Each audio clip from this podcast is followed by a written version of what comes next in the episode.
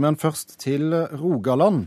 For i Haugesund åpner altså filmfestivalen nå i kveld. 'Pioner' er første film ut, storfilmen om nordsjødykkerne med Aksel Hennie i hovedrollen.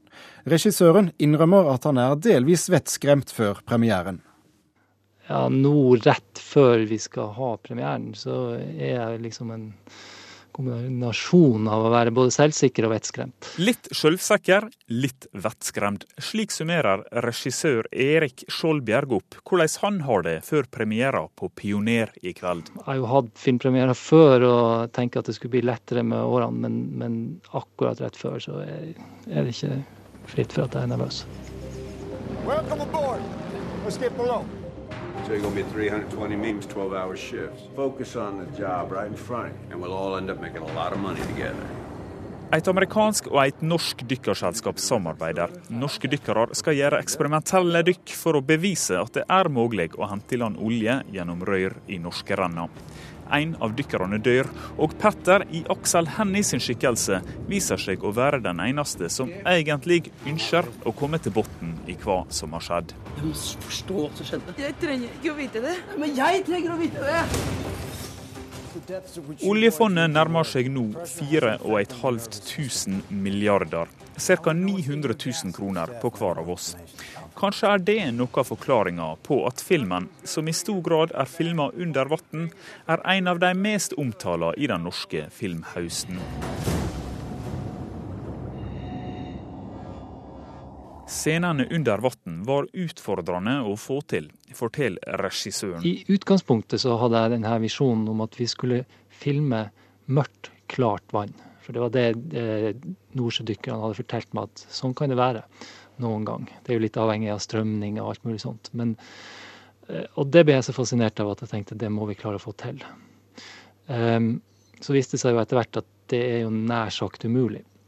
Fordi det finnes ingen garantier for at vann er klart, uansett om du drar ut i Norskehavet og filmer.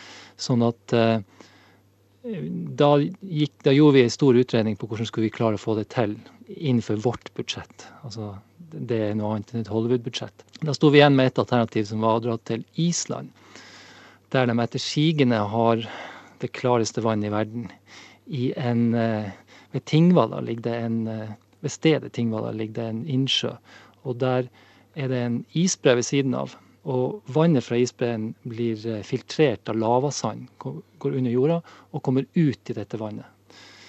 Der er det klart vann. En annen grunn til den store interessen kan være at historien om hovedpersonen Petter Dykker og sveiser vokste opp uh, i Groruddalen. Spilt av Aksel Hennie, rører i debatten rundt oljenasjonen Noregs behandling av dykkerpionerene, som danna mye av grunnlaget for oljeeventyret vårt. De var laborater.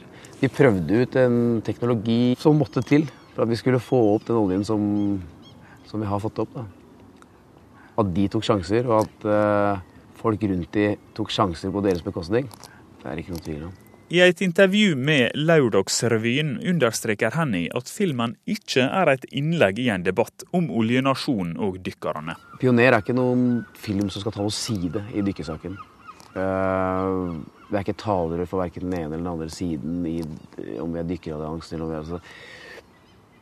Men at disse gutta fortjener mer enn et takk, det er det ikke noen tvil om. Ehm, og at de har tatt sjanser som har kosta både de og mennesker rundt seg mye. Det er det heller ikke noe tvil om.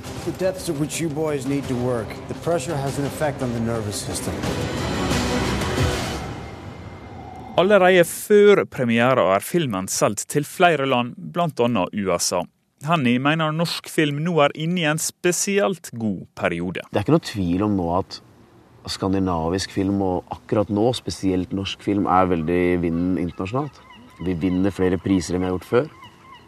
Vi er med i flere festivaler enn vi er før.